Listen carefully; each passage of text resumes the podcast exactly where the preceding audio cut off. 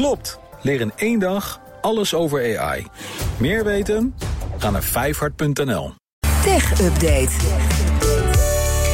Ja, we gaan de opvallendste ontwikkelingen op het gebied van tech bespreken met Joe van Buurik, want die is de studio binnengeschoven, Hi. binnengelopen. Ja, hey hi, Joe. Lisbeth en Kees. Hi. Ja, nieuws van onze eigen overheid. Die wil betaalbaar internet voor iedereen in Nederland mogelijk Ja, maken. Zeker. Nog specifieker gezegd, dat wil onze staatssecretaris van Digitalisering, Alexandra van Huffelen, als onderdeel van haar speerpunt dat iedereen moet kunnen meedoen in de digitale wereld. En dus moet er een, ja, noem het een sociaal internetpakket komen. Eh, daar stuurden ze althans vanmiddag op aan tijdens een Kameroverleg. Oftewel, providers moeten desnoods verplicht kunnen worden om goedkope internetpakketten aan te bieden aan minima. Mhm. Dat kan dan afgedwongen worden door de minister van Economische Zaken. En wat, wat- hoe ziet dat eruit? Is, heeft Nou ja, daar iets over gezegd? Niet, pakket? niet zo heel concreet, maar in ieder geval moet betaalbaar blijven. De Ja. kosten gaan natuurlijk allemaal omhoog. We hebben inflatie, maar internet moet voor iedereen toegankelijk blijven. Ze wil daarbij trouwens ook gratis wifi-punten in heel Nederland.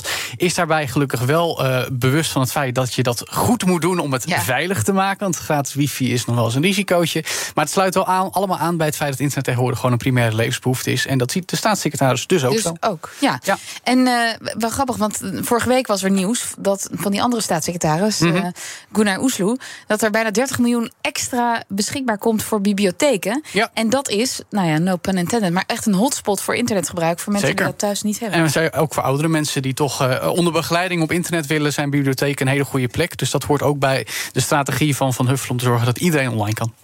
En dan de tech-rechtszaak van 2021, vorig jaar, krijgt vandaag een officieel vervolg. Ja, de strijd tussen techreus Apple en Fortnite-maker Epic Games laait weer op. Fortnite, de bekende game, werd in 2020 uit de App Store gegooid... omdat Epic wilde dat spelers rechtstreeks konden betalen... voor allerlei digitale dingetjes zonder de commissie... die Apple en ook Google in eh, de digitale winkels rekent. Een commissie van vaak 30% En die move heeft nogal wat teweeg gebracht... want sindsdien hebben we het heel vaak gehad over die commissies... en het duopolie van Apple en Google. En niet zomaar, want volgens schattingen verdient Apple daar elk jaar... tussen de 15 en 20 miljard dollar aan. Dus van die commissies willen ze helemaal niet zomaar af. Nee, maar wat staat er dan nu op het spel? Nou, allebei de partijen kregen een beetje gelijk en een beetje ongelijk. Dus zijn ze ook allebei in beroep gegaan tegen de uitspraak. Apple heeft volgens de rechter geen monopolie, een, eh, een monopolie of duopolie met Google. En hoeft de Fortnite dus niet weer toe te laten. Maar moet van de rechter wel gaan toestaan dat mensen buiten de App Store moeten kunnen afrekenen. Zonder Ja. commissie dus. Dat wil Apple niet, dus beroep.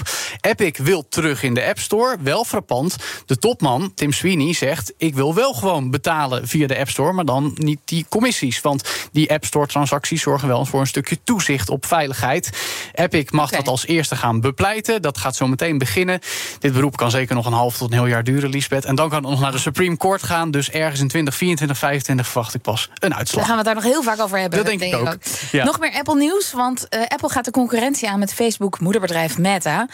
Terwijl die laatste juist een gevecht tegen Apple moet staken. Ja, dat gaat om de strijd der slimme apparaten. Vooral het soort dat je op je hoofd draagt. Zoals deze slimme bril die ik nu in mijn handen heb. De oh, Meta Quest Pro, moet ik En zeggen. die heb je getest afgelopen vrijdag. in de schaal van hebben, inderdaad. Ik was er niet zo te spreken over, want hij kost 1800 euro.